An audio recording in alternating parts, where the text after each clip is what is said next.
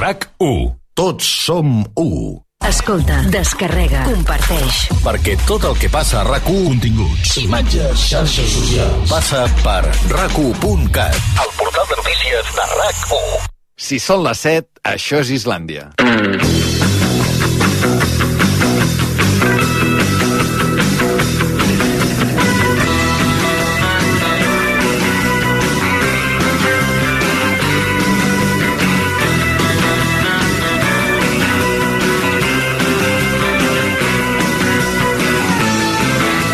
RAC1 Islàndia. Amb Albert Ong.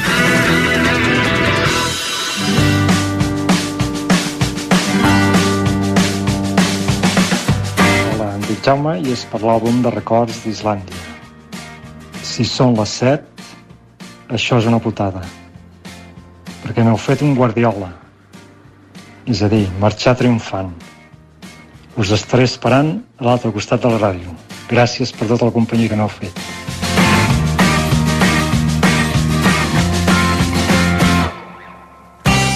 Bona tarda, Islàndia. Sóc en Ramon. Aquí, des de la meva petita botiga de Gràcia, us sento cada tarda. I m'animeu.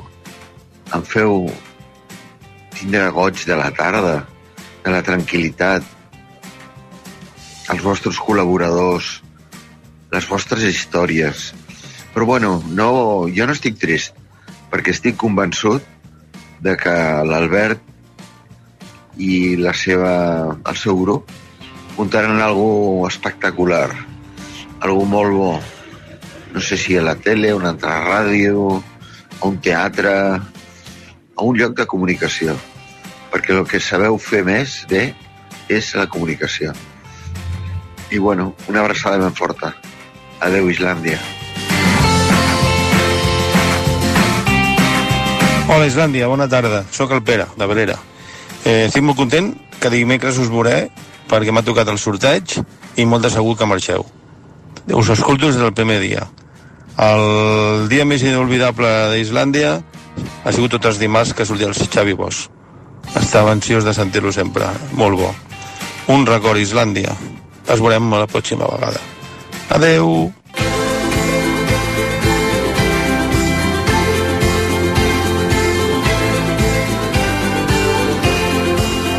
Avui Islàndia, programa número 1512, últim dimarts de temporada. Últim dimarts. El dimarts ha sigut, eh, ho recordava ara el Pere, el dia Xavi Bosch. El Xavi no el tenim avui aquí perquè el tindrem demà a la festa de Luz de Gas i allà és on obrirem el sobre final de temporada, on el Xavi Bosch va deixar eh, uns vaticinis escrits al mes de setembre, Maria. Sí, hem de veure amb què, què hi posa allà dintre i què passa... A veure si aprova, a veure si aprova i es guanya el dret a continuar. Es quedarà sol, pobre. En tot cas, això serà demà, eh, però avui a mi m'agradaria recuperar una cosa que ens vam quedar tots dos, i m'imagino que els oients a casa eh, al·lucinats quan va passar mm, aquí a l'estudi 1 de rac mm, a finals d'any, del 2022, va aparèixer aquí el Xavi, com sempre, i ens va dedicar a això, al rap del 2022 de Xavi Bosch. Un rap de resum de l'any. Música, Joan. M'ha agradat, no m'ha agradat, que avui cantin puto rap. Ja s'acaba el 22, any de birria com n'hi ha dos.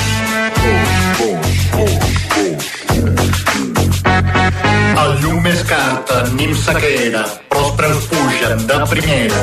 Tant revifa el cop d'estat, Biden té l'arròs cubat. I en Putin ni s'ho pensi, que derrotarà el Zelensky. El Campatxano és a Dubai, però va Galícia, perquè és guai.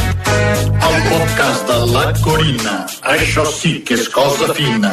M'ha agradat, no m'ha agradat, fer el ridícul amb un rap. Aquest Barça no s'estanca amb Pedri i Gavi, la palanca, un català va de Trotsky, però flipem amb Lewandowski. Piqué plega del futbol, no vol menjar-se cap més gol. Adéu-siau a la Shakira, benvinguda Clara Chia. Se me'n fot aquest mundial, el Qatar tot és fatal. Mentrestant, Aragonès, els indepes no els fa el pes. Junts s'esborra de Palau, En Turull menja el gripau. Ja tenim la mosca al nas d'entomar aquest fracàs i del judici a la borràs. Del judici a la borràs i dos préssecs del Carràs. M'ha agradat, no m'ha agradat fer el ridícul a un rap. I la reina d'Anglaterra, i la reina d'Anglaterra ja la tenen sota terra.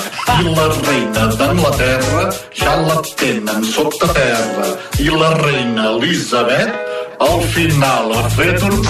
Anda, anda para allá, bobo. Anda para allá.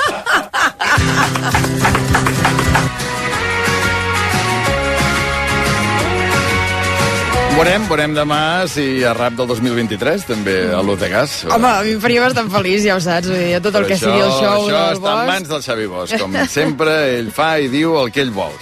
Bé, de les notes que hem sentit avui per començar el programa en aquest àlbum de records que ens esteu fent els oients, en vull recuperar una. Hola, em dic Jaume i és per l'àlbum de records d'Islàndia. Si són les 7, això és una putada. Bé, això, aquesta frase, si són les 7, això és una putada, ens ha donat una idea. Preguntar-vos als oients que ens ajudeu a decidir què és el que hem de dir divendres a les 7 de la tarda quan comenci l'últim programa. Ja ho sabeu que durant 1.512 programes fins avui hem començat sempre amb el clàssic Si són les 7, això és Islàndia. La pregunta és, als oients, ho hem de canviar per un dia? Mm -hmm, ja que és l'últim. Ha de ser diferent l'últim dia? Canviem el temps verbal només? És a dir, diem si són les 7, això ha estat Islàndia, això era Islàndia, això sempre serà Islàndia, pels més optimistes. A mi m'agrada aquest. Necessitem les vostres idees, eh? Necessitem, per tant, notes de veu al 669 700 300. Notes de veu al 669 700 300 què hem de dir divendres a les 7 de la tarda quan comencem l'últim programa. I fins 7 o'clock, ai, ai, ai, ai, ai, ai. Això, recordeu, era el 8 de setembre de 2022, era el dia que estava a punt, a punt, a punt de morir la reina. De fet, ja havia mort, però encara no s'havia fet públic, semblava que s'havia de fer públic d'un moment a l'altre. I és l'única vegada, crec, que no hem dit el si són les 7, això és Islàndia, canònic, A mi, eh? ai, ai, ai, també em serveix, eh, per divendres. Si són les 7, Ai, ai, ai, ai, ai, ai. doncs va, ajudeu-nos, de veritat, doneu-nos idees. Completeu la frase per l'últim programa. Si són les 7, què? Completeu aquest si són les 7, el 669 700 300, amb les vostres notes de veu. Això les anem rebent des d'ara mateix, al 669 700 300, i ho hauríem de decidir-ho dijous. Demà no, Sí. perquè demà és la festa islandesa a l'Uz de Gas. Que no s'entretinguin, els Exacte, oients. dijous ho deixem decidit i així l'opció que en antena el dijous guanyi és la que diré a les 7 de la tarda de divendres, divendres. que serà l'últim programa d'Islàndia. Ara estava pensant, poden dir que no ho diguis tu, que ho digui algú altre? Però és que això ja ho hem fet, de Ja, dir, o sigui, sí. canviar de veu amb la veu misteriosa mm. de departament dirigit, recordem-ho, per Marc Ferragut. Sí, sí, amb ho una gran direcció. Ho vam fer durant dues temporades canviant la veu a personatges il·lustres que deien si són les 7. Per tant, crec que aquí és millor canviar el contingut, Sí. completar la frase. Si són les 7, què? 669 700 300. Hola, guapíssims. Soc l'Eva, de Muntanyola. Avui m'he fet superfeliç perquè m'han tocat les entrades per venir a veure-us el dimecres. I m'heu fet feliç cada dia que us he escoltat, des del primer programa. Triar un record eh, m'és molt difícil. No sé, triaré com un sentiment, una emoció que sento. I és que la ràdio, i Islàndia en concret, és casa. Mm, Me'n vaig adonar fa 3 anys, quan van diagnosticar de càncer a, a la meva parella un càncer molt avançat i de mal pronòstic just un mes abans de, de que ens tanquessin tots a casa. El càncer i la Covid s'ho han portat tot. La salut, la feina, no, ens podíem, no podíem estar amb qui més estimem, però el que hi era sempre i no havia canviat era la ràdio. I me'n vaig adonar d'això, que és un pilar per mi i que em fa feliç, em distreu, em fa riure, m'emociona i em fa companyia. Moltes gràcies. Us estimo.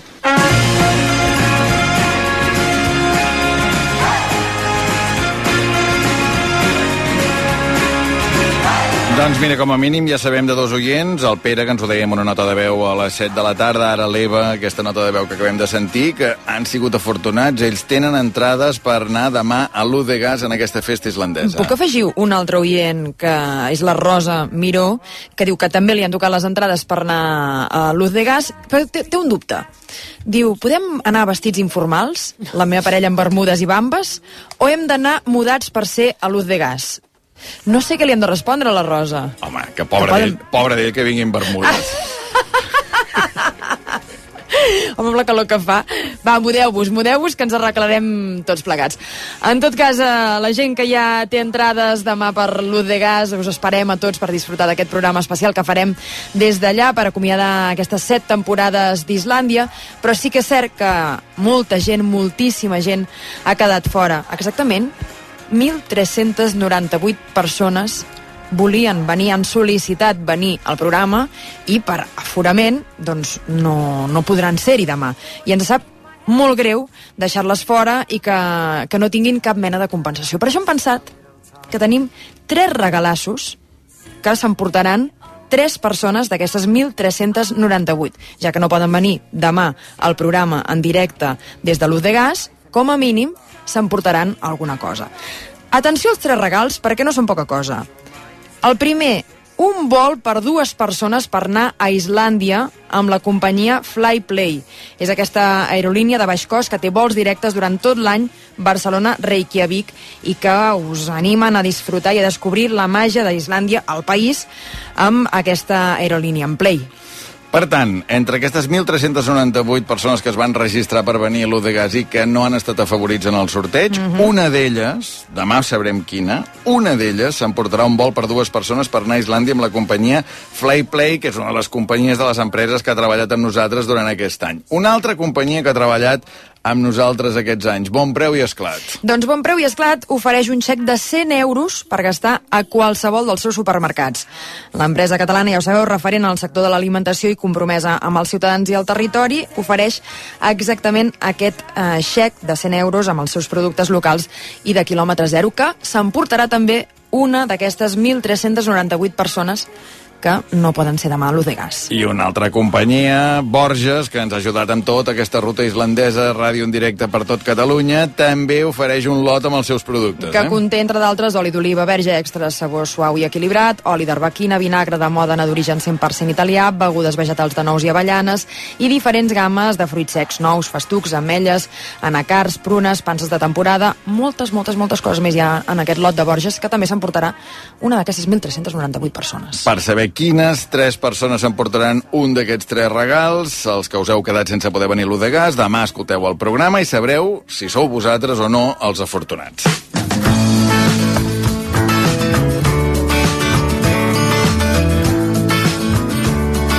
Dos minuts i un quart de vuit, portem aquests últims programes en aquest àlbum de records dels oients. Jo me'n recordo d'això, jo me'n recordo d'allò, a mi em va cridar l'atenció, no se m'esborrarà allò, no se m'esborrarà l'altre, però és clar, amb set anys hem fet moltes coses que ningú se'n recordarà. Ai, això és veritat. Fins i tot a vegades nosaltres no ens en recordem. Hem fet És el que això. anava a dir, prou feines ens en recordem nosaltres. Per això ens hem volgut ajuntar avui tot l'equip aquí dins l'estudi. Eva Català, bona tarda. Bona tarda. Mireia Ardèvol, bona tarda. Bona tarda. Marc Ferragó, bona tarda. Bona tarda. Avui no vens en qualitat de director de la veu misteriosa, no? No, no, vinc Sinó qual- de càrrec. En qualitat, no, en qualitat d'autor eh, o de coautor de coses Ah, que, sí. que la gent no se'n recordarà. Sí, sí, és veritat, és veritat. Que hem fet durant set anys. Això passa, no? Sí, no, vull dir que al final... A més, a més coses petites, no? Allò, crec que la primera temporada anava molt al detall, ara també, però, escolta, eh, val la pena I recordar-les. coses bones. Sí, Vull sí, dir, i tant. No, que... Això, Trobo jo, això, trobo jo. ah, Vull dir, que no era qualsevol cosa. Autodiem-nos-ho, i tant. Sí, Hem sí. triat tres exemples de coses, no que vam fer un dia, ni una setmana, ni un mes, sinó coses que vam fer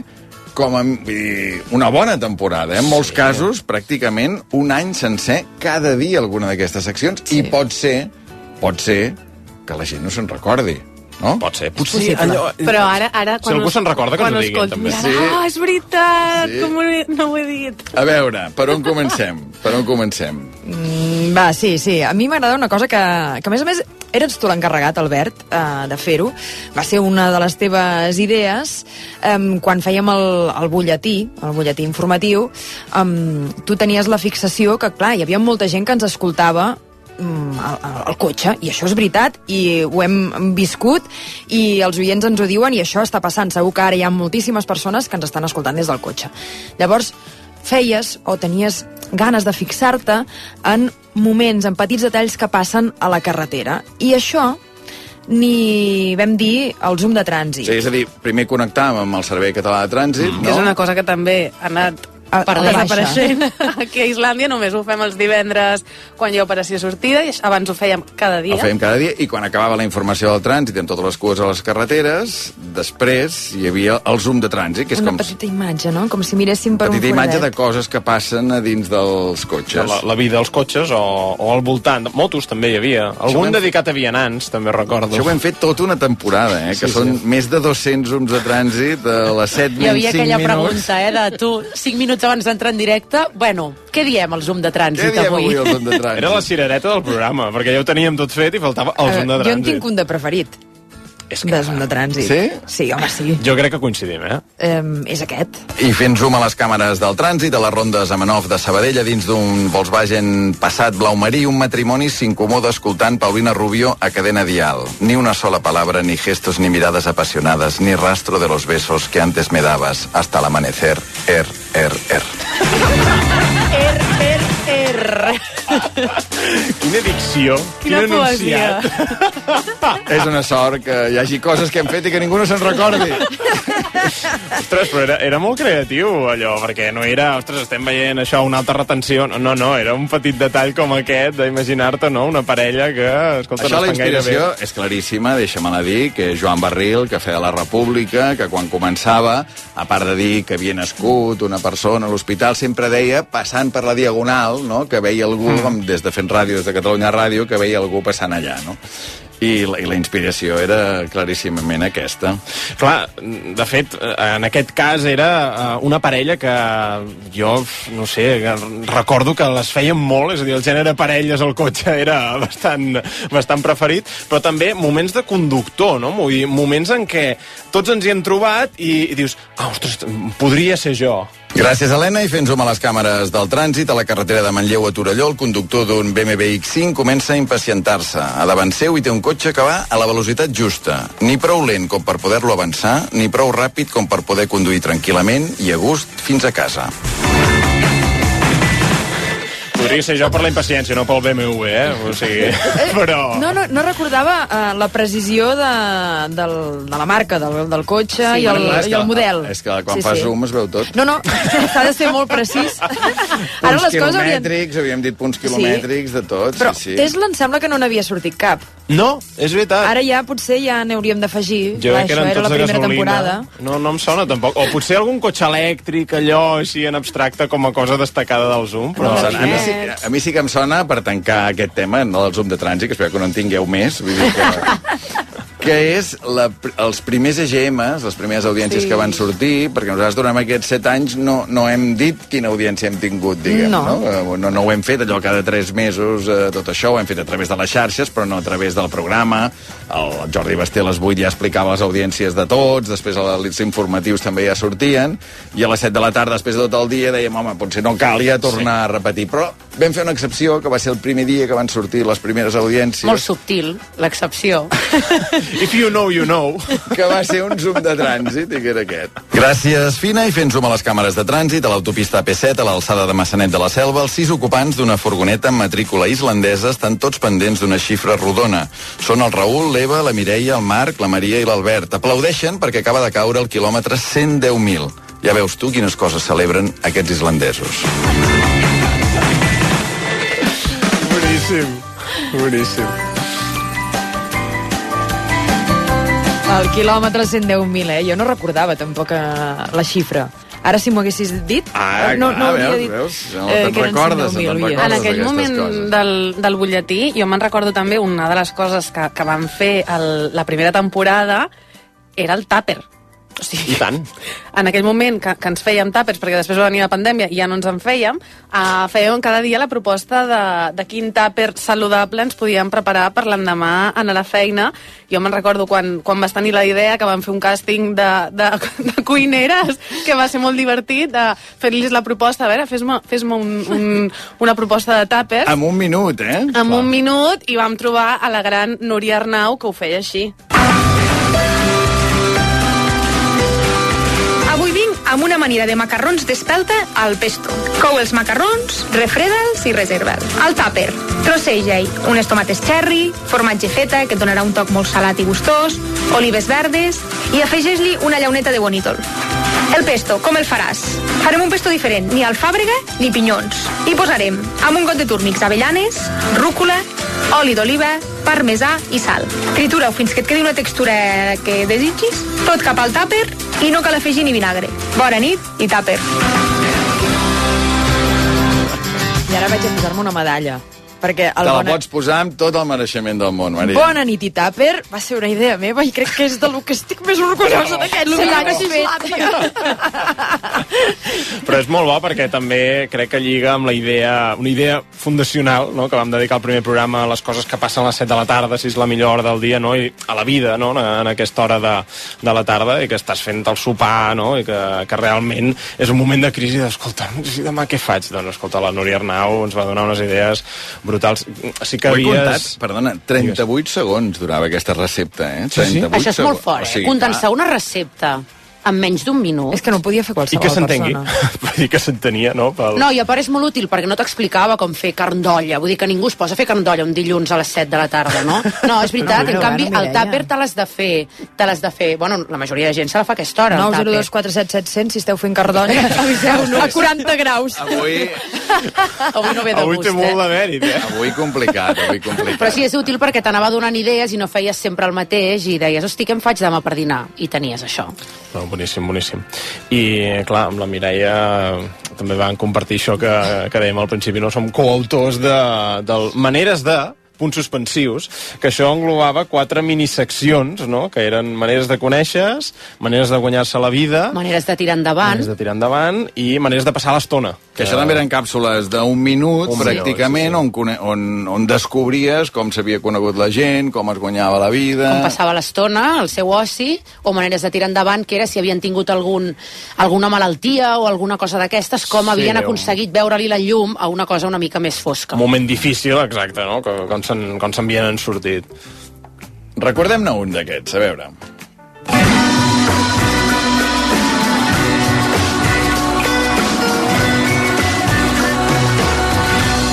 Maneres de conèixer. Hola, em dic Aida, tinc 24 anys i sóc de Sant Boi. Hola, em dic Pedro, tinc 27 anys i sóc de Barcelona. Portem junts un any.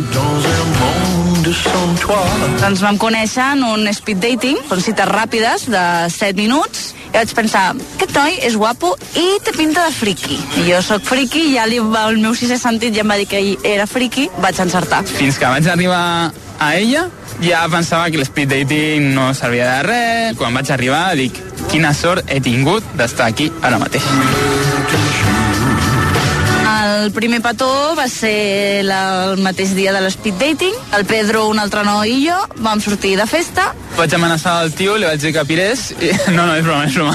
és broma, suposo que eh, el noi va veure que hi havia un cert feeling entre ella i jo i va decidir treure's del mig dient que anava al lavabo. Nosaltres en, ens pensàvem que tornaria, però no va tornar. I ja, ja vam aprofitar.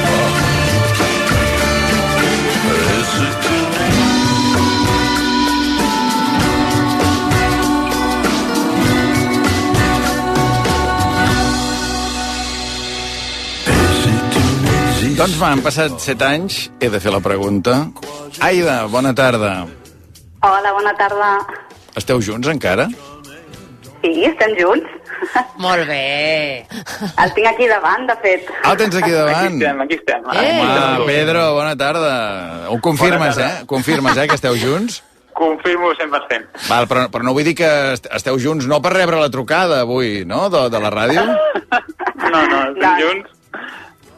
I, I res, d'aquí un mes ens casem. Epa! Bravo! Per favor!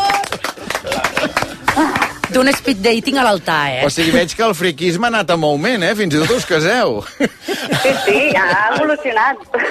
Es retroalimenta, tot, eh, tot es retroalimenta i puja al següent nivell. Que fort. Uh, speed dating, una cita en 7 minuts i porteu 7 anys junts i ara us caseu, eh? Sí, sí, aquest any fem 8. Que bo, que bo, que bo. Escolta'm, um, m'han parlat molt de la invitació de casament vostra. Com és aquesta invitació?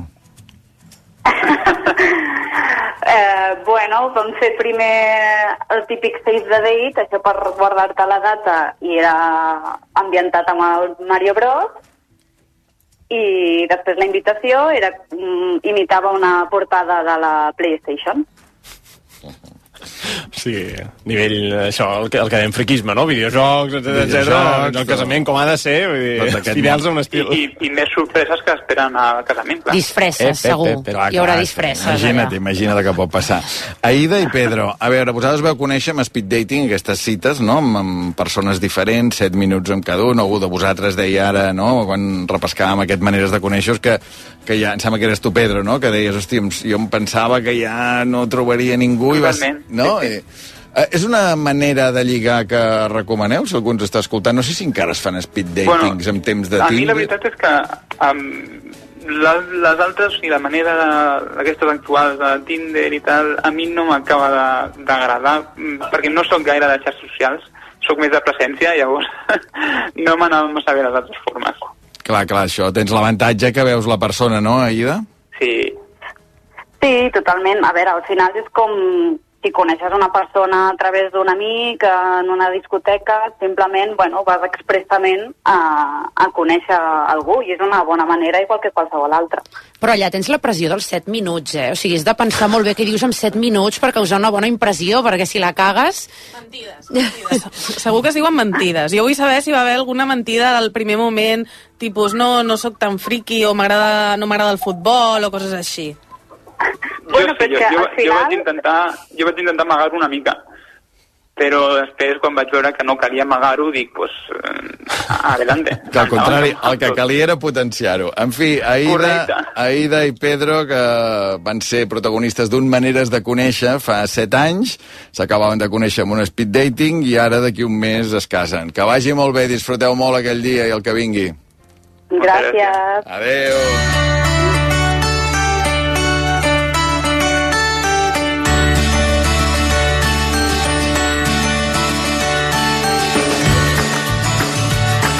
Ai, molt bé, doncs escolta'm, eh, estem junts una altra vegada, tots cinc aquí a l'estudi, ara em recordo quan fèiem la temporada passada, era, Sí. no? El que heu sí, descobert. Sí. És veritat que sempre... Molts dilluns. Teníem alguna cosa que... Mira, jo aquest cap de setmana he descobert um, com es diu... Uh, bueno, que Ibai vol dir riu en euskera. Jo no ho sabia. Per tant, Ibai Llanos, no?, és Un riu riu pla. pla. Riu pla. Bé, uh, doncs escolta, anem a publicitat. Quedeu-vos amb aquesta No t'ha idea. agradat? Teniu dos, dos minuts i un segon per anar assaborint aquesta idea. Quedarà d'aquí com dos- l'últim descobert de la història Sí, d'Islàndia. l'últim eh? descobert de la història deixem-ho d'Islàndia. Aquest espero que sí que et sigui recordat. Serà riu pla. Mira, coses que quedaran. No, no, perfecte. Coses que quedaran d'aquest programa. D'aquí un moment, Pep Martí. Atenció, Pep Martí, que ha fet eh, durant tota aquesta temporada una secció fantàstica que es diu Els que manen, que ens ha explicat la vida i miracles de les famílies que remenen les cireres a Catalunya. No diríeu mai quina serà l'última família protagonista d'aquesta secció, d'aquí a dos minuts. Islàndia, amb Albert Ong. Saps què són els ADAS? Són els sistemes d'ajuda a la conducció, com ara els avisos de col·lisió, de sortida de carril o d'angle mort, entre d'altres, que tant t'ajuden a mantenir la seguretat del vehicle. Si tens un cotxe amb ADAS, és a dir, assistents de conducció, canvia't a línia directa i et premiarem a un preu imbatible. Truca o vine directe a líniadirecta.com. El valor de ser directe. Si vols canviar de vida i estudiar en una business school que lidera els rànquings, o canviar un pla de desenvolupament personalitzat, flexible i amb una xarxa de contactes potent, Work to Change. Entra a eaebarcelona.com i comença el canvi en una escola de negocis creativa, acollidora i innovadora. EAE Business School. We make it happen. Gourmet La Vanguardia et porta els plaers fumats per l'estiu amb salmó i llobarro d'esmuc, acompanyat per Bimes Rodó Incògnit Rosat, burrata de formatge de la mamma, un pack de caviaroli, oli i melmelada de llàgrimes del Canigó i pa de sègol d'espiga blanca. Tot per només 49 euros a gourmetlavanguardia.com. Patrocinat per Xocolata Jolong. M'he criat entre pagesos, regadius i hortes, homes i dones que no coneixen la paraula descans. Soc d'Aitona, on es fa la fruita més dolça del món. Fes la teva comanda de paraguaians préssecs i nectarines i descobreix una exquisida selecció de productes de les Terres de Lleida. Directament de l'arbre a casa teva. aitonagourmet.com RAC més 1, podcast. RAC més i Montse Interiors presenten Cases amb ànima, el podcast que parla de la teva llar amb Noemí Polls i Marga Ortuño. Un espai per aquells que volen convertir casa seva en un lloc acollidor, harmoniós i amb caràcter propi. Descobrirem els secrets dels especialistes, interioristes, artesans i dissenyadors. Us donarem idees per inspirar-vos, tenir cura de la llar i fer-ne el vostre refugi. El dilluns, cada 15 dies, Cases amb ànima. Un podcast de RAC més amb Noemí Polls i Marga Ortuño. Escolta'ls a l'app de rac i a rac RAC més 1. Tots som Més 1. Islàndia, amb Albert Ong.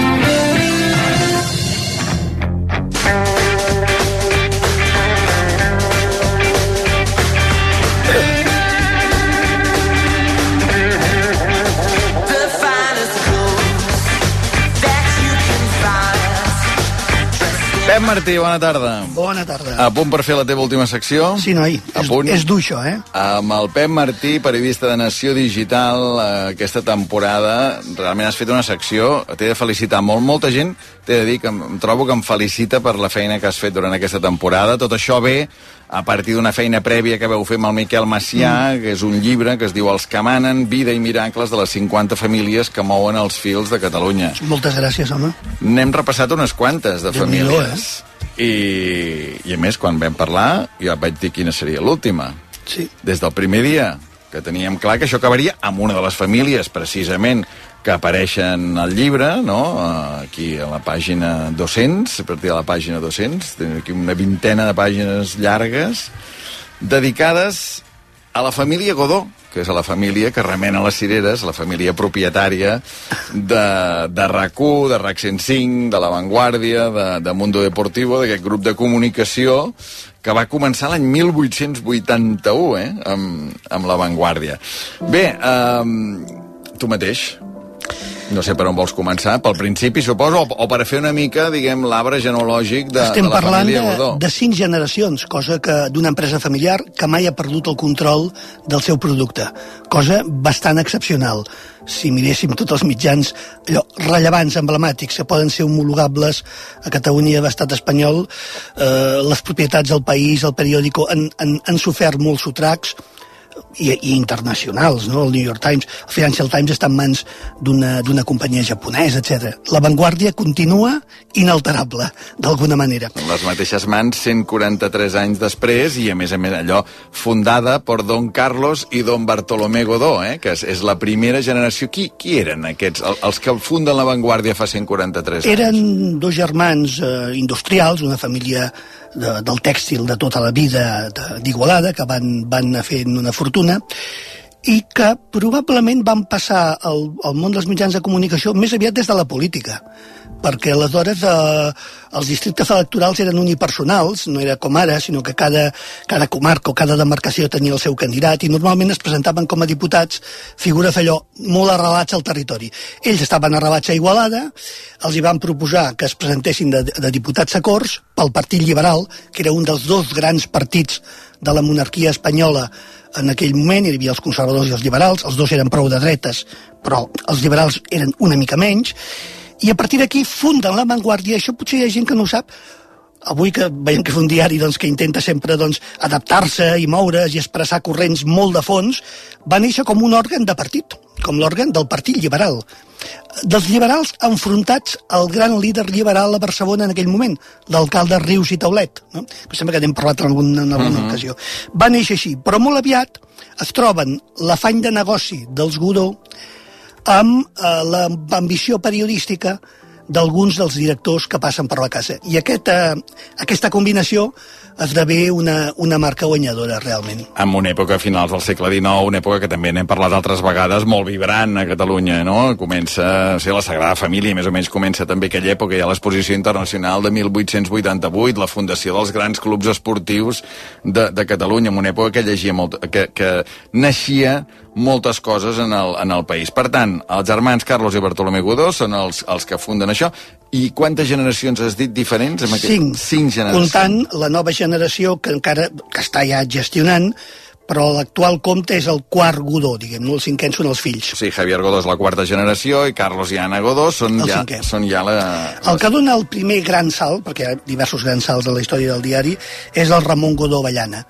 Aquest és l'home que realment eh, és molt ambiciós, vol, vol guanyar-se la vida amb el negoci i realment ho, ho aconsegueix, és l'home dels grans canvis. És cert que en aquesta Catalunya que deies tu d'emergència del catalanisme, ell s'hi trobarà una mica fora de joc, perquè ell no és catalanista, ell és un home, és un monàrquic, no? i xocarà bastant amb aquests canvis socials que hi ha, però s'hi adaptarà. Uh -huh. um, clar, un negoci centrat en els mitjans de comunicació, tot i que la família venia del tèxtil, no?, quan funden La Vanguardia l'any 1881. Com s'explica que en aquest món que deies que pràcticament tots els grans mitjans han canviat de mans, eh, hi hagi un diari que després s'ha ampliat doncs, amb aquesta ràdio i altres negocis que han tingut dins del sector de la comunicació. Com s'explica que hagi estat sempre en les mateixes mans? Ells han tingut una visió, diguem, anem a dir, conservadora del, del negoci, s'han negat a endeutar-se amb excés i no han fet gaires operacions de risc. Aquest és un element important. I després jo crec que és una família, i això sí que és un mèrit, que s'ha llegir bastant el, els moments històrics, els temps, i s'hi ha adaptat bastant, no? Per ser influent no, no es tracta tant que tu vulguis allò, imposar el teu criteri, sinó que sàpigues llegir els corrents majoritaris de la societat catalana. I ells ho han fet bastant i s'han adaptat eh, tant des del punt de vista tècnic, amb noves rotatives, amb l'edició en català, com des del punt de vista doncs, també polític, perquè han sobreviscut a tots els règims. No? Això és evident.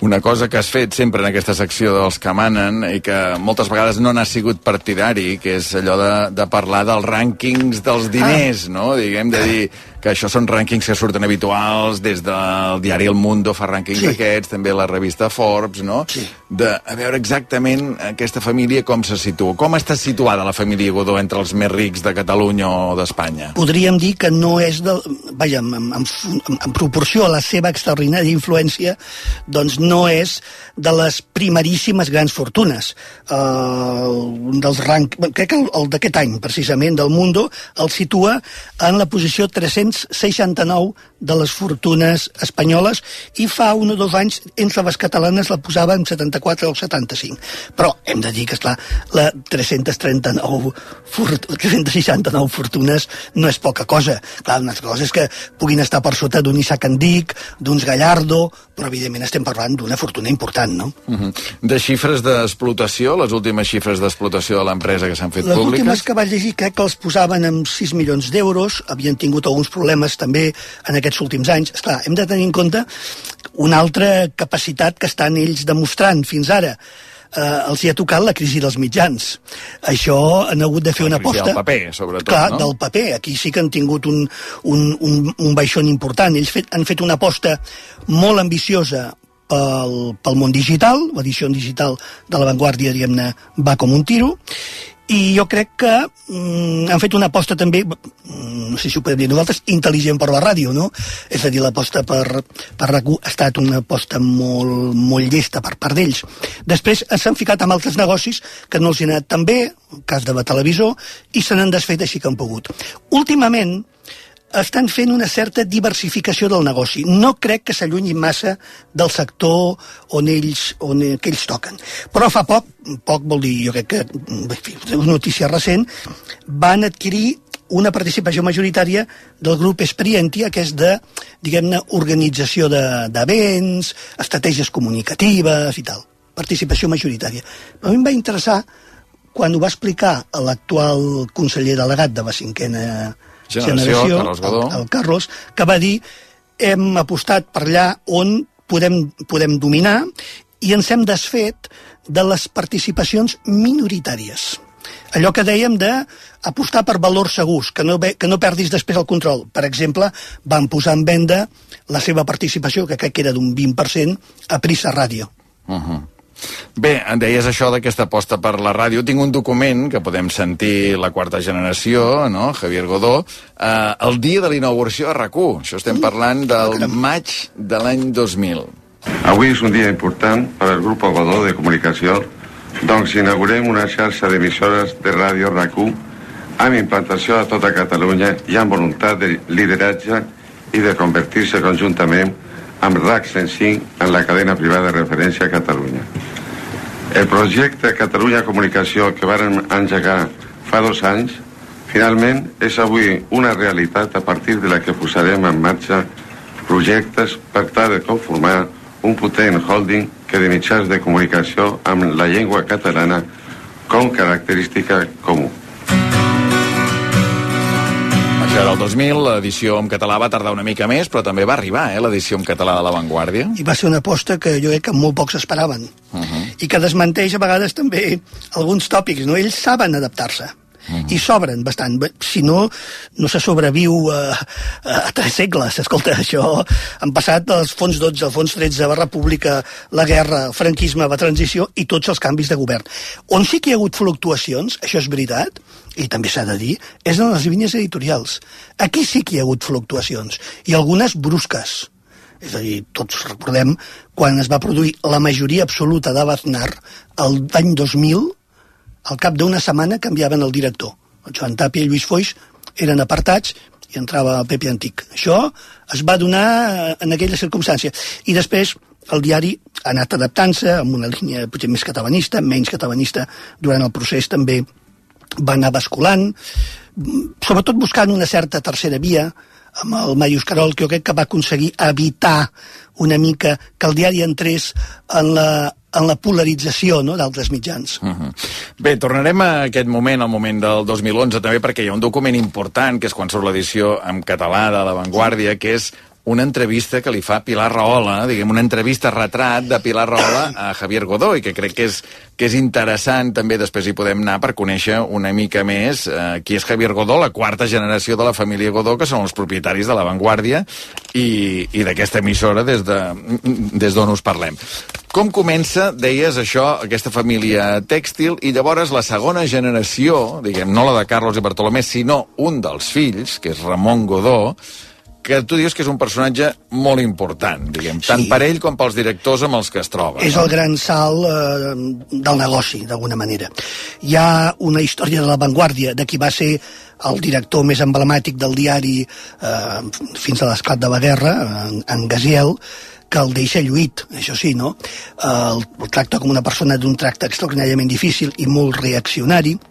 Això va provocar una ruptura tal que durant molts anys Gaziel amb la guerra se'n va anar, després va quedar-se a l'exili, etc. Durant molts anys Gaziel era una persona um, que no es podia esmentar al, al diari, però després ha estat, anem a dir, rehabilitat i aquest capítol ja, ja està superat. No? Era un personatge eh, misàntrop, eh, difícil, molt difícil de tractar. Què va passar quan arriba, quan arriba la República, per exemple, no? l'any 1931, eh, després la guerra, què passa en tots aquells anys amb, amb un mitjà com La Vanguardia, que ja és el mitjà, eh, ja és un mitjà líder, diguem, des de finals del 19, no? Sí. És a dir, el cap surt el 81 a finals del segle XIX. La Vanguardia eh, és un diari que serà sempre un diari d'ordre, però també val a dir, això m'ho havia explicat un directiu del diari una vegada i, i està bé, eh, mai hem volgut ser l'ABC. Eh, així com un diari com l'ABC va escalfar l'ambient que va dur a la Guerra Civil, la Vanguardia sempre va jugar una posició de moderació, en bona part també perquè el director era Gaziel, que va jugar els articles de Gaziel previs a la Guerra Civil diuen molt sobre l'intent de buscar també terceres vies sortides d'aquella crispació social que es veia doncs, cap, a on, cap a on podia anar. Quan entra la guerra, eh, el comte de Godó marxa, Gaziel um, també s'ha de buscar la vida, és salvat pel conseller de Governació, que va tenir un paper, és un personatge importantíssim que està molt a l'ombra, Josep Maria Espanya, que va salvar moltíssimes vides. Josep Maria Espanya li facilita la marxa, eh, crec que en barco a Marsella, amb en Gaziel, i després passa el diari a una mena de soviet o de comitè de treballadors. Val a dir que ni sota la guerra, en mans republicanes, el diari va deixar de ser un diari governamental, podem dir, perquè era l'òrgan de Negrín, el, el jefe del govern. Quan van entrar els franquistes, eh, des de Burgos, Carles Godó agafa el cotxe i corre eh, al carrer Palai. Vol arribar abans que Falange. Té por que Falange es faci amb el, amb el rotatiu i ho aconsegueix, però ha de pagar una penyora important, ha de col·locar dins de l'organigrama gent, evidentment, molt, molt del règim. I el diari passarà a dir-se La Vanguardia Espanyola. Aquí estem a la tercera generació. Eh? És la tercera generació. I el Carlos Godó és l'editor fins a començaments dels 80. Bé, del Carlos Godó vull que sentim un document, també, sentir-li la veu. Mira, Ah, caram. jo, sí, és que, és que jo l'hi he sentit just abans del programa, quan estàvem preparant aquesta secció, no l'hi havia sentit mai. Parla, en aquest cas, del torneig de tennis, perquè ah, clar. és precisament aquesta generació Godó qui funda o qui, qui impulsa aquest torneig l'any Mm. 1953, que devia ser llavors ell el president del tennis Barcelona, Sí. no? Quan això. I li fan una entrevista al, al cap dels anys i explicava això. Señor Conde de Godó, hace 17 años que instituyó usted un trofeo que se ha hecho famoso en el mundo del tenis. ¿Qué le motivó la fundación de este trofeo? El trofeo, pues en aquel entonces el tenis, si bien tenía una vida propia, pero era una vida un poco lánguida. Había que traer a España los grandes jugadores internacionales. Para ello había que buscar un motivo, un algo, un trofeo, algo que atrayese a esos jugadores. Y entonces cuando me vino la idea con mis compañeros de instituir el trofeo que lleva mi nombre. Se ha ido desarrollando en el curso de estos años hasta que hemos llegado a la coyuntura actual. Era un moment aquest de, de certa modernització amb un sector de la burgesia. I era el moment en què també es funda l'Escola de Negocis de Sade, neix el Cercle d'Economia, aleshores... Eh, Això l'any 50, eh? Quan anys 53, 50. quan neix eh, al, el al torneig. final dels 50 ja el pla d'estabilització, que n'hem parlat diverses vegades i que canvia una mica, és, és el moment que es passa de la postguerra dura a una certa obertura, tot això amb, amb moltes cometes. Els joves cadells de la burgesia, els més dinàmics, eh, doncs estudiaven ESADE, es reunien al cercle d'economia o conspiraven al cercle d'economia i jugaven al tennis, que era un esport que també traspoava modernitat i que trencava doncs, amb l'ambient caspós de, del franquisme. No? Per tant, la tercera generació del Godó, Carlos Godó Valls, diguem, eh, és qui porta les regnes del grup, les regnes de l'avantguàrdia, eh, en aquest cas, de Mundo Deportivo, fins als anys 80, que és quan ja entra la quarta generació, quan entra 80. Javier Godó. Uh, el, el, aquesta tercera uh, és la que també elimina el Espanyola del títol. Un dia de l'any 78, Horacio Sáenz Guerrero, el director en aquell moment, entra al seu despatx i diu, Gran escolta, director, els que el un van di- conèixer, diuen, no? un personatge excepcional, es veu, va dir, escolta, això no pot ser, això que, està cant que estem cantant la... I aleshores diu, doncs, fora. I així va canviar ràpidament, no? O sigui, l'Espanyola desapareix l'any 1978. 78, eh? ja en plena transició. sota la direcció encara d'Horacio Sáenz, sí. uh, Horacio Sáenz Guerrero. Uh, I als anys 80, diguem, és quan arriba la quarta generació, que és Javier Godó Montañola, que és l'actual comte de Godó, eh? En efecte, que és el que fa... Bueno, el que ha d'afrontar una mica la crisi del paper, d'alguna manera. I és el que refunda la rotativa, perquè realment es pot dir que és una certa revolució tecnològica, i jo crec que competeix en un moment en què ja es passa de, molt, de moltes dècades en què els mitjans hi ha pocs moviments a una autèntica revolució mediàtica, jo penso que és el que, el que porta un transatlàntic que està agitat per la tempesta. I jo crec que potser ha estat els anys més gloriosos i més difícils, a banda de la guerra i el franquisme dur, eh, això per suposat. Difícils també perquè eh, hi ha un moment que tots els mitjans que venen de més enrere queden com arraconats, no?, pels que han nascuts a finals dels anys 70, pels que han nascuts ja impulsats per la, per la democràcia que torna a Espanya, que torna a Catalunya, no?, i, i aquest vent bufa a favor de moltes de les publicacions sí. noves, no? És cert, i, i ells s'han sabut adaptar, han sabut no perdre mai, des del seu conservadorisme, entre cometes de fons, l'aire de modernitat. Uh -huh. Ell era l'hereu, uh, Javier Godó? No, ara toques un tema una mica delicat. Ell té una biografia tocada per la tragèdia, perquè els dos germans grans, els quals en teoria els hi podria pertocar la, la successió, van morir els dos en un accident un amb un accident d'aviació, si no recordo malament, això als anys 60, i l'altre, l'Enrique, va ser un cop brutal, eh, anava amb uns amics a celebrar eh, el, el fi de carrera de dret, anaven de nit a peu fins a Montserrat, i un cotxe eh, que es va donar la fuga els va, els va atropellar i Enrique va morir va ser una cosa brutal.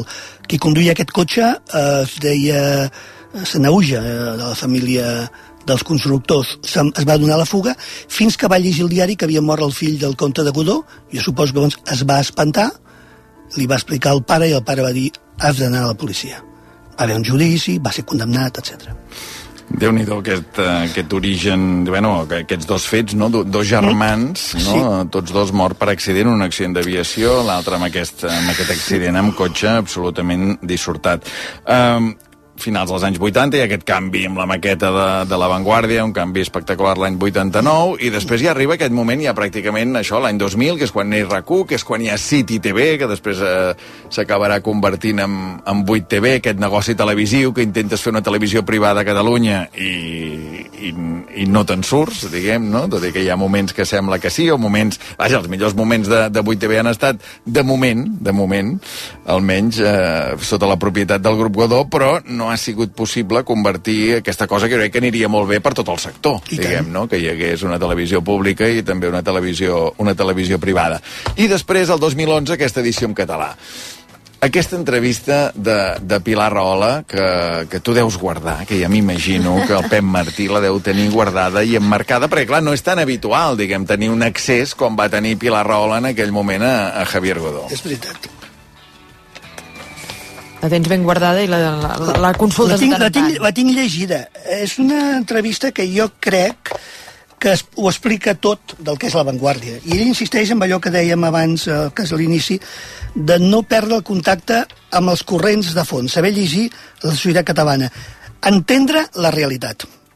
I això és fonamental cosa que a vegades li ha portat a, a conflictes amb sectors, eh, per exemple, del poder espanyol, perquè en ple, en ple procés hi va haver un manifest d'aristòcrates i grandes d'Espanya eh, posant a parir el comte de Godó perquè era, era vist de manera completament delirant com un aliat del procés, només perquè l'avantguàrdia no es va adherir doncs, a, a, la, a la campanya de la premsa del búnquer mediàtic madrileny, no?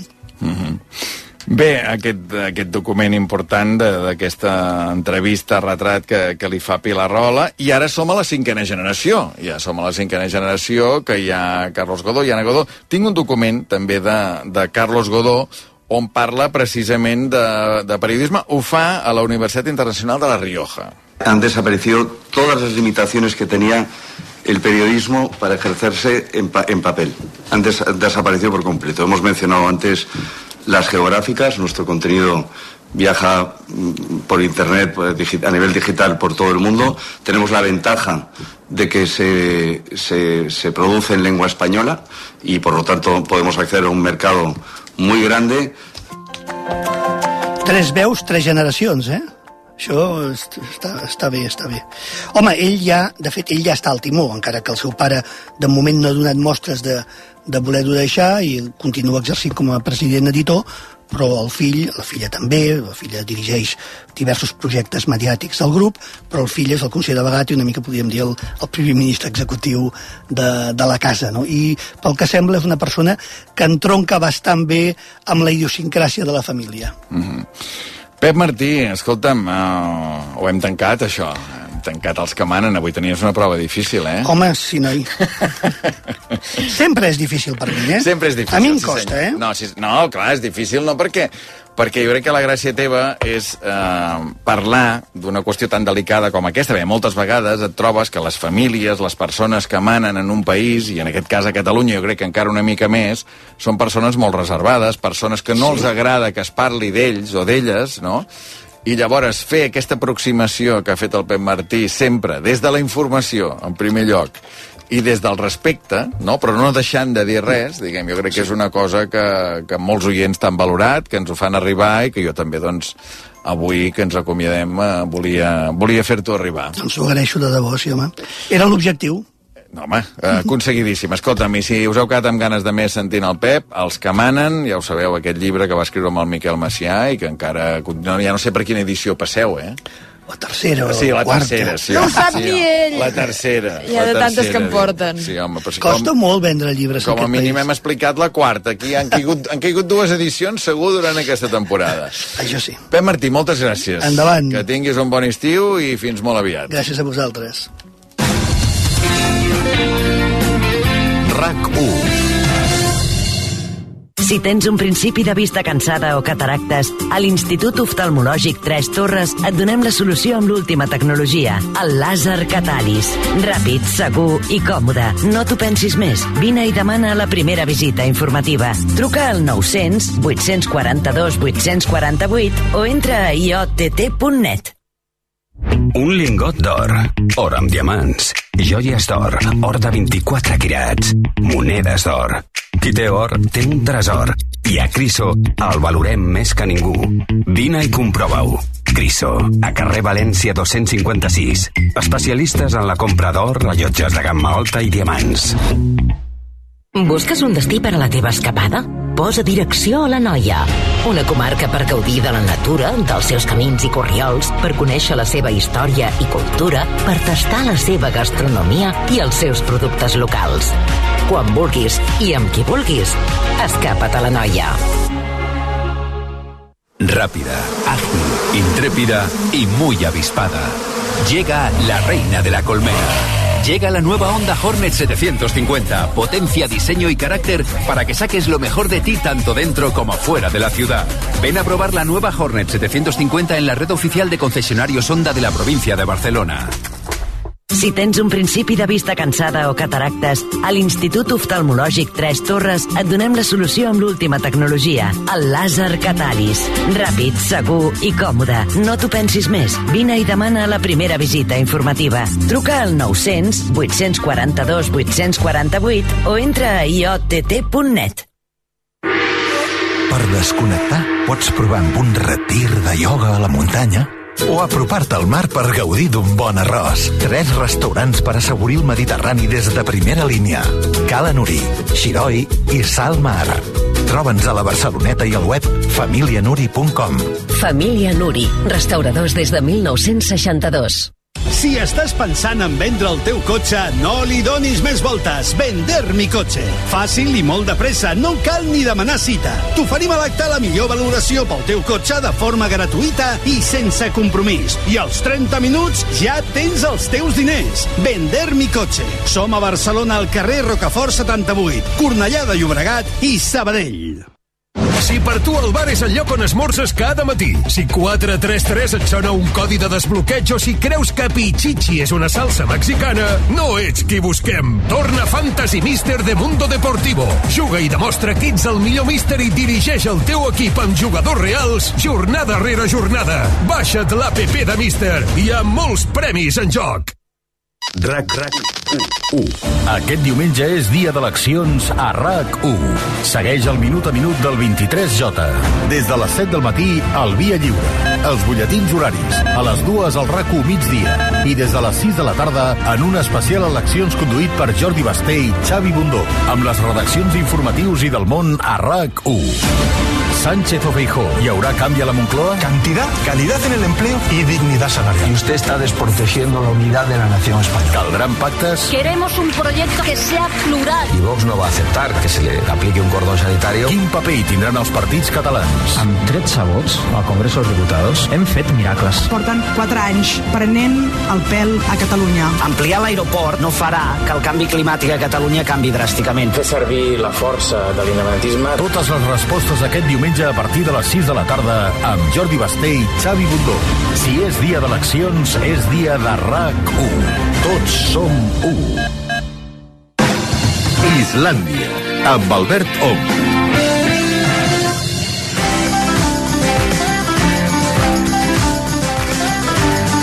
Dos minuts i les vuit, de seguida ens posem al dia, de seguida parlem de la calor, aquesta d'avui veiem el mapa ara la tele, que tots són 40 i 40 i 45 i 44 i 43, en parlarem amb la Bel Caral, però abans, parlant de xifres, n'hi ha una que és 1398.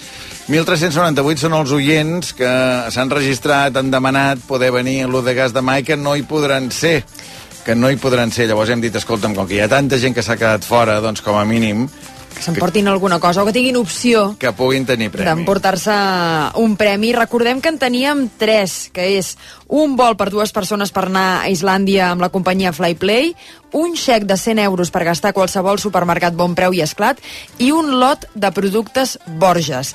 Per tant, tenim aquí tres persones, a veure si et sembla bé, Albert. Tenim a la Bàrbara Padilla. Em sembla Bàrbara... Bàrbara, bona tarda. Molt bé. Tenim el Xavi Puig, Em bona tarda. bé. Hola, bona tarda. I tenim l'estimada Bel Caral, bona tarda, No Bel. em sembla bé, però bé, Bona tarda. és el que hi ha, fa set el anys que que- estem junts. és el que tenim, i Han de ser uh, mans innocents, Mans en aquest innocents, cas, sí. o, o pensaments innocents. Mm. Mm. Uh, perquè us demanaré a tots un número de l'1 al 1398. Comencem per tu, Bàrbara. El número que tu diguis mm -hmm, sí. correspondrà a la persona que haurà guanyat un lot de Borges. Per tant, tu ara m'has de dir un número i demà al programa en directe des de Luz de Gas sabrem a qui correspon aquest número i qui s'emporta el lot de Borges. De l'1 al 1398 El meu número és el 7. El 7. El 7, perfecte. Número Demà, demà direm qui s'emporta aquest lot de Borges.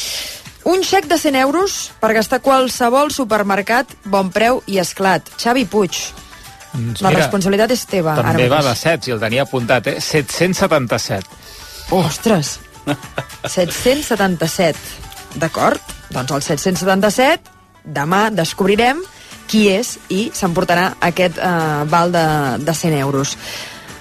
L'home que cada dia ens ha portat les temperatures de, de Reykjavik, a qui envies a Islàndia, Quina al país, uh, d'aquests oients, d'aquests 1.398 oients que no podran acompanyar-nos demà a l'Uz de Gas i que els hi hauria fet molta il·lusió i a nosaltres, òbviament, també. Doncs mira, jo et diré el 1398, que si suma les tres xifres suma 21, 7 per 3, que són 3 que han dit números, són 21, per tant tot acaba quadrant 1398.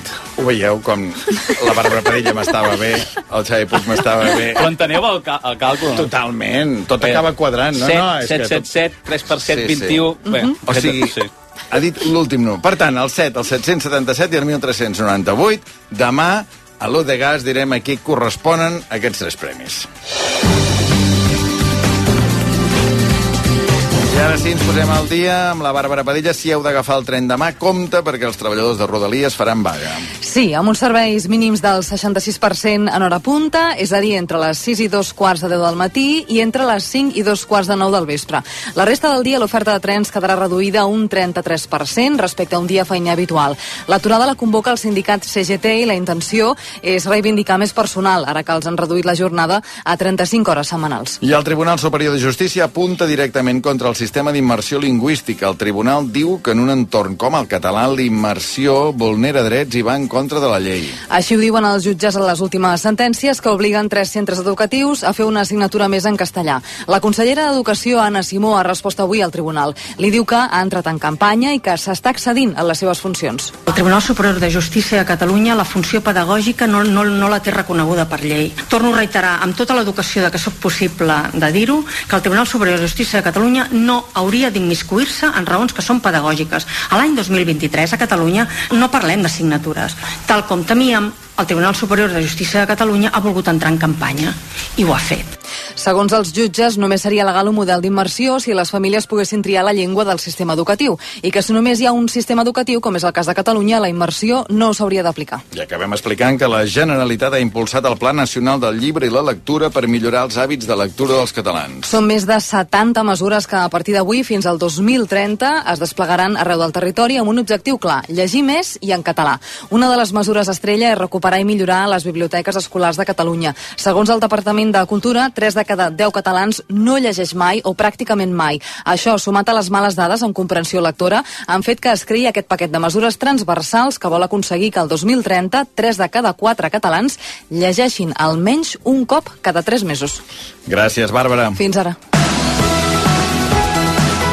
I els esports amb el Xavi Puig, exhibició de Vingegaard a la contrarrellotge del Tour de França. Sí, el danès de l'equip Jumbo-Visma, Jonas Vingegaard, ha guanyat la setzena etapa, una contrarrellotge individual de 22 quilòmetres i ha deixat molt ben encarat el Tour. Avui li ha tret 1 minut i 38 segons a la línia de meta Pogacar, que ha estat segon de l'etapa. Vingegaard li treia 16 segons al primer parcial, 31 al segon, 1 minut i 5 segons a dalt del port que havien de coronar i 1 38 a la línia d'arribada. Pogacar ha canviat de bici per fer aquest ascens al port de segona i Vingegaard no, un Vingegaard sorprès amb el seu propi rendiment.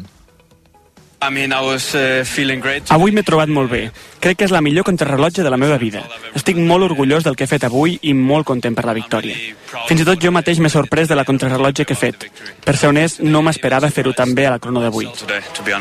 Ara Vingegaard li treu 1 minut i 48 segons a Pogacar a la General i queden 5 etapes pel final del Tour. Hi ha hagut canvi també a la tercera posició. Ara ho és Adam Yates amb 5 segons d'avantatge sobre l'espanyol Carlos Rodríguez. Pogacar ja ha avançat que pensa donar guerra en les etapes que queden, especialment demà en final a Courchevel, amb un port de segona, dos de primera i un de categoria especial. I també especial atenció dissabte en una etapa de 133 quilòmetres amb un port de tercera, tres de segona i dos de primera. I el Barça que se'n va demà cap als Estats Units a fer la gira de pretemporada. Encara sense llista d'expedicionaris, demà al matí Xavi farà pública la convocatòria on hi hauria de ser Oriol Romeu, de qui encara el Barça no ha fet oficial el seu fitxatge. Avui s'han incorporat ja als entrenaments els nous jugadors internacionals que faltaven. Tampoc encara no és oficial la sessió de Pablo Torre al Girona. En aquesta gira pels Estats Units el Barça jugarà quatre partits. La matinada de dissabte, diumenge, el primer a Santa Clara contra la Juve. La matinada del 26 al 27 de juliol, el partit contra l'Arsenal a Los Angeles. El 29 de juliol contra el Madrid a Dallas. I la matinada de l'1 al 2 d'agost, l'últim contra el Milan a Las Vegas. Xavi, um, que te'n vas de vacances. Sí, avui. avui. Demà ens veurem, eh, però, eh, Demà a l'Utegas. ens veurem a la festa, però, però jo res, com que avui és l'últim dia que coincidim aquí a l'estudi, dir-te que m'ho he passat molt bé, sempre que hem fet ràdio junts, i que et trobaré a faltar molt a l'estudi i fora de l'estudi. Doncs és, eh, és, no sé com es diu, això, mutu, Mutu, recíproco, el que s'hagi de dir, però ja saps que, que és així i que un islandès més per tota la vida. Doncs una abraçada molt forta, Xavi, que tinguis un gran estiu. Gràcies per tot. I ara sí, estimat Abel Caral, bona tarda. Estimat Alberto, bona tarda. Va, que avui, Oh, un avui, dia, eh? avui un dia històric, Sí. és d'aquells dies que, clar, d'aquí un temps, perdona que ho digui així, i que diràs, hosti, estàs cridant el mal temps, en aquest cas, hi haurà un dia que s'arribarà a 50 graus a Catalunya. I, Uh, algun dia o altre. I el dia que s'arribi 50 graus a Catalunya es recordarà que el 18 de juliol de 2023 s'havia arribat a 45. Va ser el primer dia que es va arribar a van tenir 45. els primers 45 de manera oficial. Algun dia es va arribar als primers 40, van començar a sovintejar els 41, 42, 43, no és excepcional arribar als 40 o passar als 40 graus, però hem de tenir en compte que fins ara el rècord de Catalunya, que datava de fa 4 anys, de finals de juny del 19, era de 43 en 8. Avui aquests 43 en 8 els hem superat i descreix perquè no només hem arribat a 45, jo hi apuntava 44, 44 i unes dècimes que podíem arribar a l'Empordà, i de fet ha sigut a l'Empordà on hem arribat no als 44, sinó als 45,3 a Figueres, però 44, 45 a d'altres sectors de les comarques de Girona i també cap al Pla de Lleida. Hi ha una trampa, perquè, clar, quan fem servir la paraula rècord, sempre sembla que sigui positiu, diguem, no? Sembla Clar. que sigui un rècord esportiu, estàs acostumat al rècord de pernoctacions, el rècord, en fi, eh, el que sigui, no? Clar, en aquest cas, eh, és una gran trampa, perquè és un rècord que, que, no en té res de positiu. Sí, això. és un dia que jo personalment estic excitat perquè doncs, eh, fa 17 anys que treballo a RAC1 eh, i mai m'havia trobat en una situació... O sigui, fa 17 anys que estic mm, treballant a primera divisió, jugant Champions, perquè ens entenguem, i mai havia vist una cosa així. Per tant, és un dia històric, meteorològicament parlant, que a mi em provoca un excitament, però clar, per l'altra banda dius, no anem bé, perquè no pot ser que uh, fa 4 anys arribéssim a fregar els 48 graus, que l'any passat, el 12 d'agost, arribéssim a Als 40... 44. Perdona, als 44... Sí, sí, eh, 48? Quan, perquè eren 43,8 i 43,8, has- perdó. exacte. ho has ajuntat. Que freguéssim els 44, que l'any passat arribéssim a 43,6 a Vinebre el 12 d'agost i que aquest any doncs, els 43,6 hagin quedat en sisena o setena posició perquè també tenim uh, 44 graus, 44,8 anglès a la selva, 44,4 arters al Bages, 44,2 a Banyoles o Castelló de Siana, al Pla d'Urgell, 44. A la Bisbal d'Empordà, 43,8, que era el rècord fins ara, o a Òdena, a la comarca de la Noia, 43 amb 7. Sí, sí, és que pot haver ben bé eh, 100 poblacions avui a Catalunya sí, que hagin passat de 40 exactament. graus. Eh? Sí, sí, tot i que a la costa, a Barcelona ciutat del 134, però a Tarragona de 27 a 31, sí que cap als sectors del nord del Baix Empordà o de la costa de l'Alt Empordà s'ha arribat també als 35-40 graus, però en general a la costa, com sol passar, doncs no han pujat tant, però molta calor. Pirineu també 38-39 a sort, una, un escàndol. Demà hem d'esperar un dia semblant? No, hem d'esperar un dia amb molta calor, en què la calor continuarà sent mm, de canícula, de plena canícula, encara de 35 a 40 en sectors sobretot de Ponent, uh, fins i tot a la Vall de l'Ebre i cap al Priorat farà més calor que avui, on n'ha fet però no és dels llocs on s'ha disparat més la temperatura.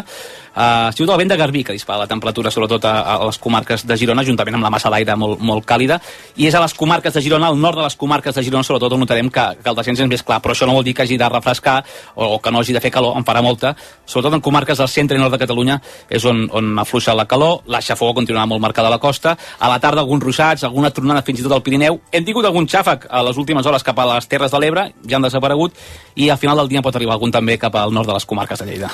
Reykjavik. Mira, Reykjavik avui a 7,2 de mínima, 13,1 de màxima, 6 graus d'amplitud, però avui també porto l'amplitud entre Catalunya i Islàndia. En aquest cas, entre no la capital de Catalunya, sinó Figueres i Reykjavik, capital d'Islàndia, doncs hi ha hagut 32 graus eh, d'amplitud. De diferència. 45 a 13, no? 45 a 13, 32 graus d'amplitud entre Catalunya i Islàndia. 45 a 13, no sé qui guanya, eh? Vull dir, clar, dit així. Sí, sí. Abel, gràcies. Ens veiem demà a l'Ucegas.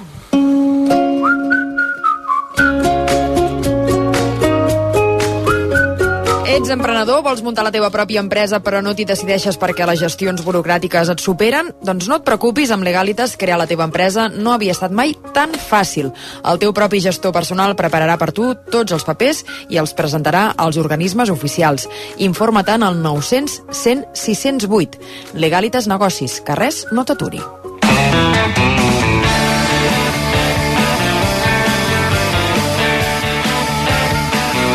Avui rematarem Islàndia saludant dues persones a qui ens fa molta il·lusió eh, tornar-los... Molta, molta. Eh, clar, tornar, tornar a parlar amb ells, saber com els hi va la vida, perquè van ser dues de les primeres persones a qui vam anar a buscar quan va començar aquest programa, dues persones amb qui no havíem treballat mai junts i que vam passar unes temporades molt, molt, molt agradables.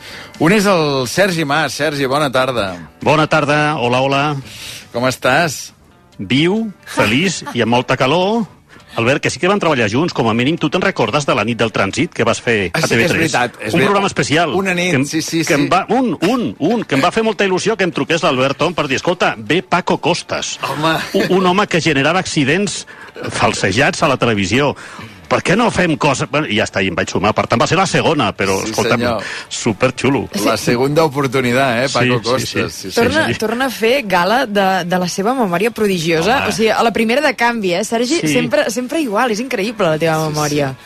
Bé, el Sergi per una banda, que, que el tinc a Andorra, que ara, ara parlarem d'aquesta aventura andorrana del Sergi, i l'altra és l'Elisenda Pineda. Elisenda, estimada, bona tarda. Bona tarda, rei, com esteu? Molt bé. Molt bé. Escolta'm, amb tu no havíem treballat junts abans.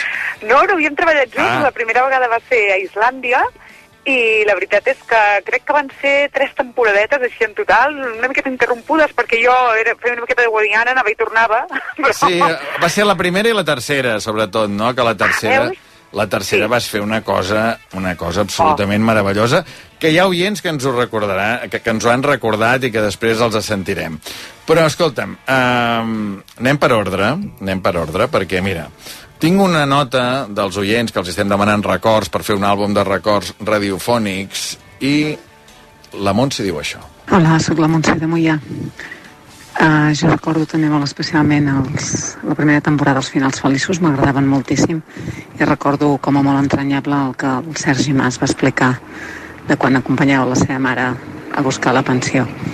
Quan estem a principi de mes, com aquests dies, la meva mare, vídua des dels 46, ara en té 86, cobra la seva pensió com a vídua. I els darrers anys hem agafat el costum, la meva mare i servidor, que li podem dir costum ja, directament li podem dir ritual, que és que jo l'acompanyo a una oficina de la Caixa de Virrei Amat. La meva mare s'arregla, a més a més s'arregla de debò com si fóssim de casament. M'agafa el braç, m'agafa més molt fort el braç, sortim de casa seva i anem pel passeig doctor Pimolís, i ella, encara que ella que sap que no m'agrada, quan saluda algú, m'assenyala i diu pues mira con mi hijo unos recados. Vaig pensar en la meva àvia. Uh, us trobarem molt a faltar. Una abraçada i gràcies per tots aquests anys.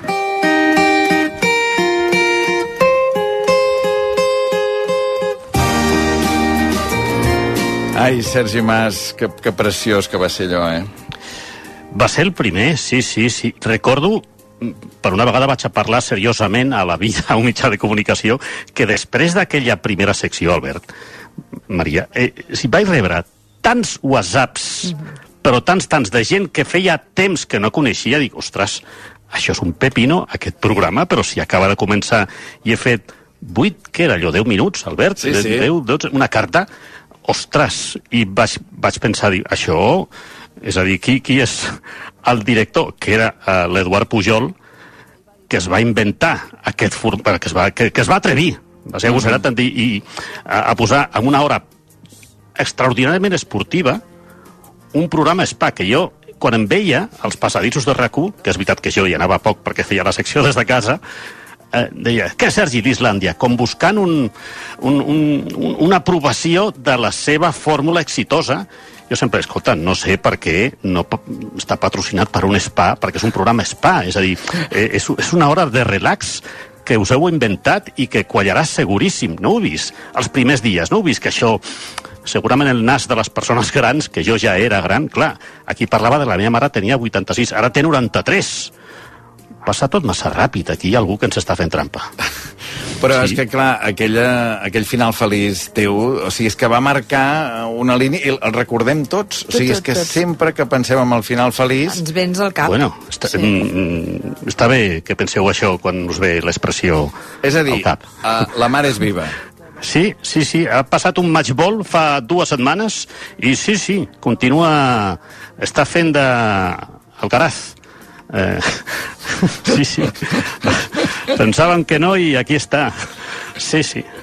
Està fent d'Alcaraz. Quin, quina sí, sí, sí. Aquests, quina... sí, sí, sí. Ha salvat un matchball i ahí està, supercampiona.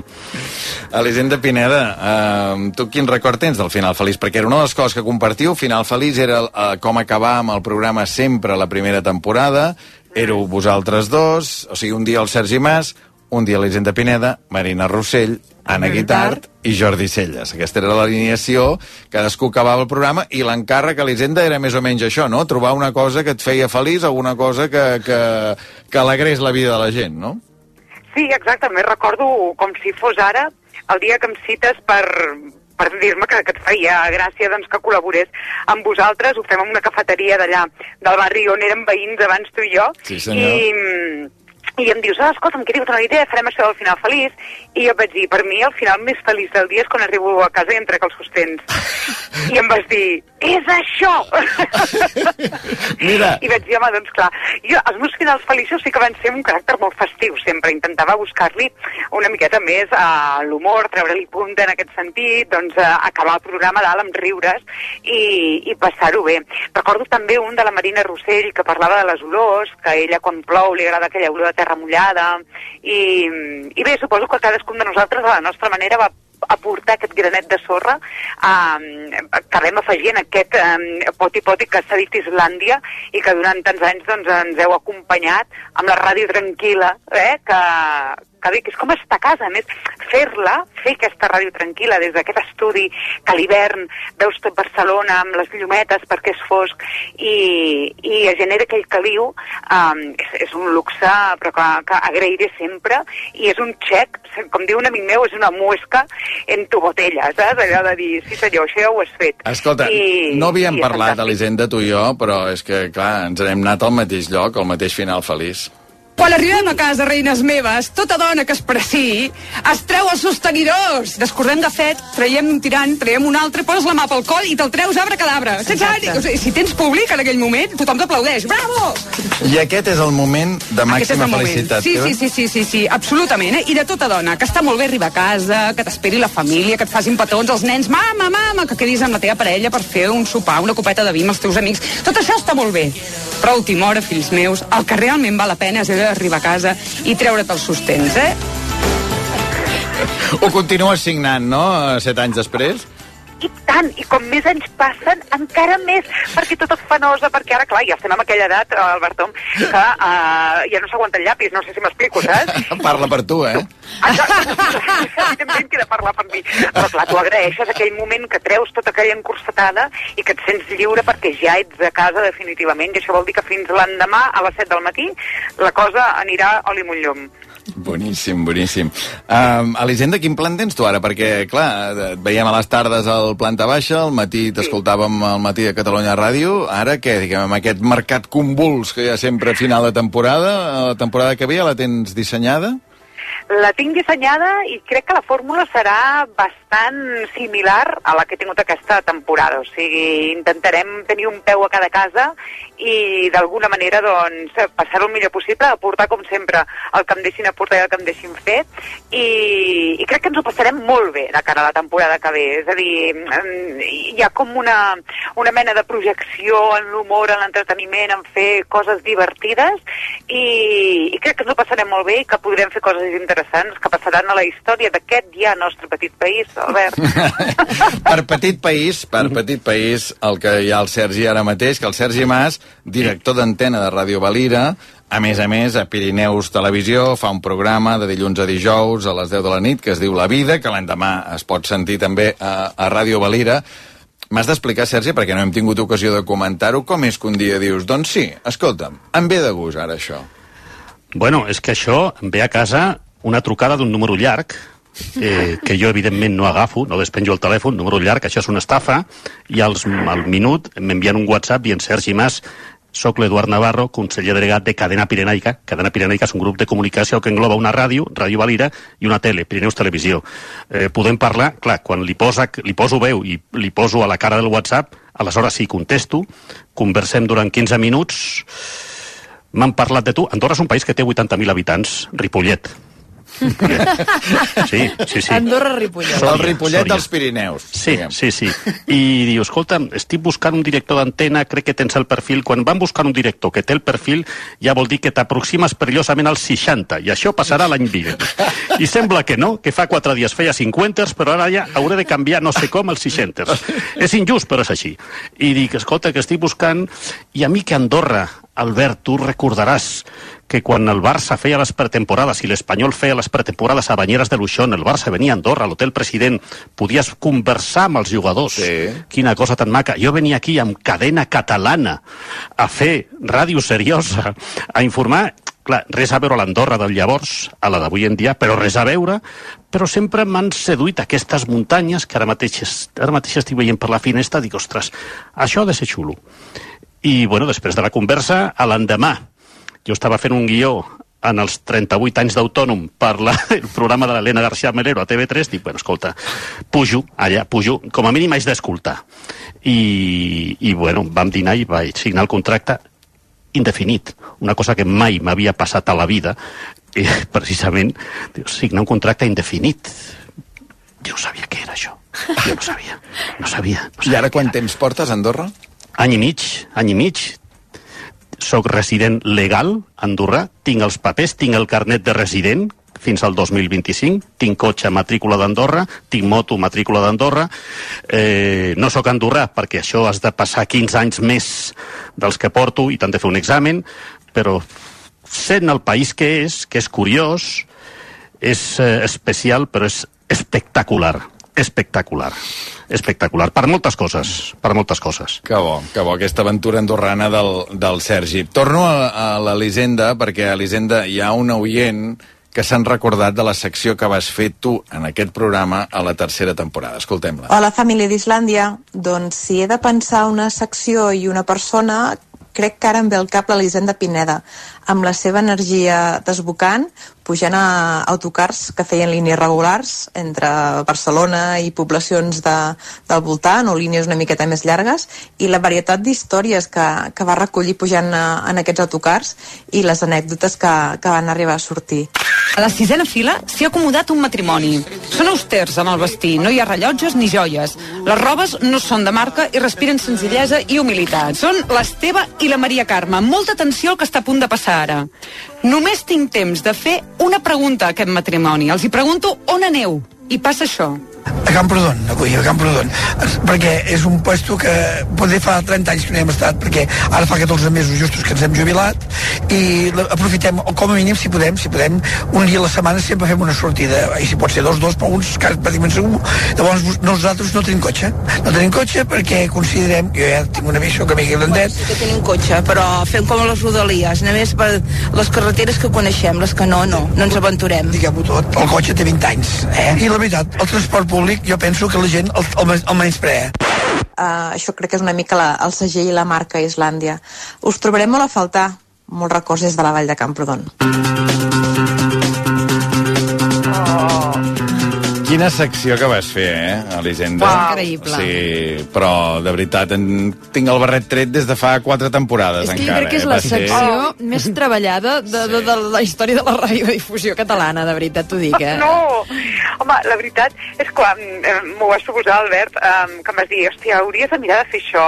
Que vaig dir, hòstia, hi ha una feinada que heu de cal Déu, perquè clar, la gent potser devia pensar que hi havia una preproducció i que buscàvem les històries abans de pujar a l'autocar. No, no, vull dir, nosaltres pujàvem en un autobús on hi havia 7, 10, 12 persones, jo treia el micròfon i allà m'arriscava a veure què trobava, què pescava, si la gent estaria receptiva, si no, el trajecte també era important, quanta estona tindria per treure històries, trajecte d'anada i de tornada. Hi havia dies que amb el d'anada ja en tenia prou, però hi havia altres vegades que amb el d'anada m'havia quedat justa i havia dir, creuem els dits que el de tornada trobi algú que em vulgui explicar la seva història i sigui una història interessant. I la veritat és que jo, quan m'ho vas proposar, no m'hi veia gaire en cor, perquè sempre he vingut del món de l'humor, dels guions i tal, i em recordo que em vas dir, això ho faràs bé, Elisenda. Home, home, i Això tant. em vas dir. I vaig pensar, li faré cas a l'Albert, perquè si ho ha vist ell, vol dir que això anirà rodó. És que a mi em va fer el mateix. Jo que venia i sempre he estat del món de la distensió i de l'humor, deia, Sergi, aquestes reflexions que fas pausades, tal, sí. escolta, hi ha una faceta que jo crec que l'hauríem de- de- d'apuntalar, l'hauríem de projectar... I, i, I sí, i, i, i és veritat.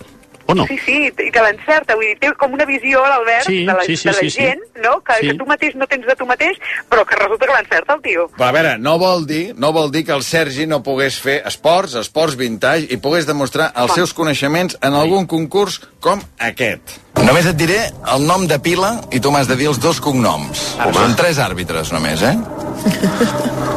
Victoriano. Victoriano Sánchez Arminio, hem de parlar d'ell. Els àrbitres. José Donato. José Donato Pes Pérez. I Anastasio. Aquest tenia un defecte de dicció. Anastasio Mayoral Cedenilla. Don Anastasio. Don Anastasio. Aquest dia ha col·laborat amb el García, sí, no? em Sí, que sembla? era, hola, buenas, buenas tardes, José María. Sí, sí, tenia un petit problema. Ai, boníssim, boníssim. Escolta'm, uh, mil gràcies per tot, Sergi. Per favor, per Elisenda, De veritat. Una, favor. A vosaltres. una I a tot abraçada. l'equip, eh? Perquè sou, sou meravellosos i sempre ens heu tractat estupendo, que demà tingueu una gran festa i que ho acabeu allà dalt de tot, que tingueu un bon final feliç. Una gran, festa, una gran festa i moltíssima força pel proper divendres, el darrer tram a l'última mitja hora del divendres, que serà la més complicada, I tant. perquè passarà molt molt ràpid el darrer minut, és a dir, la mitja hora passarà molt ràpida i el darrer minut no passarà mai.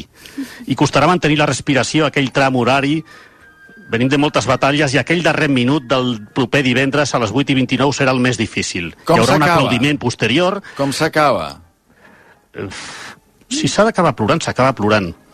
Però jo sé que no és fàcil, però que s'ha de fer. Hi ha companys que històricament han enregistrat els comiats perquè eh, no se'n refien d'ells mateixos. I jo ho gravo perquè així no m'agafarà un atac de plorera. No, no, graves de covards. Ara, ara. Di directe, directe i si pot ser improvisat. Sí, senyor. I ja està. Sí, I senyor. ja està. Ves, no comencem plorant. Bueno, bueno, però d'alegria, perquè per sort Sí, la vida continua. I tant, home, i tant. i tant, i I tant, i tant. set anys fantàstics, gràcies a moltíssima gent, entre ells a gent que hi veu ser des del primer dia, com l'Elisenda Pineda i el Sergi Mas.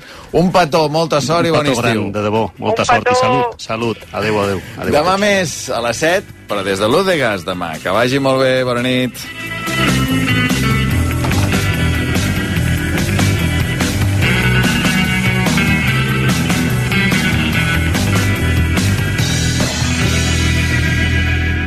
Resta ara de Legalitas i sent el poder de comptar amb un advocat sempre que ho necessitis. Truca gratis al 900 106 08 o entra a legalitas.com. Imagina poder compensar el 100% dels excedents de les plaques solars amb la millor bateria virtual. Descobreix com estalviar a solideo.cat. Solideo, el poder de la teva energia. Si per tu el bar és el lloc on esmorzes cada matí, si 433 et sona un codi de desbloqueig o si creus que Pichichi és una salsa mexicana, no ets qui busquem. Torna Fantasy Mister de Mundo Deportivo.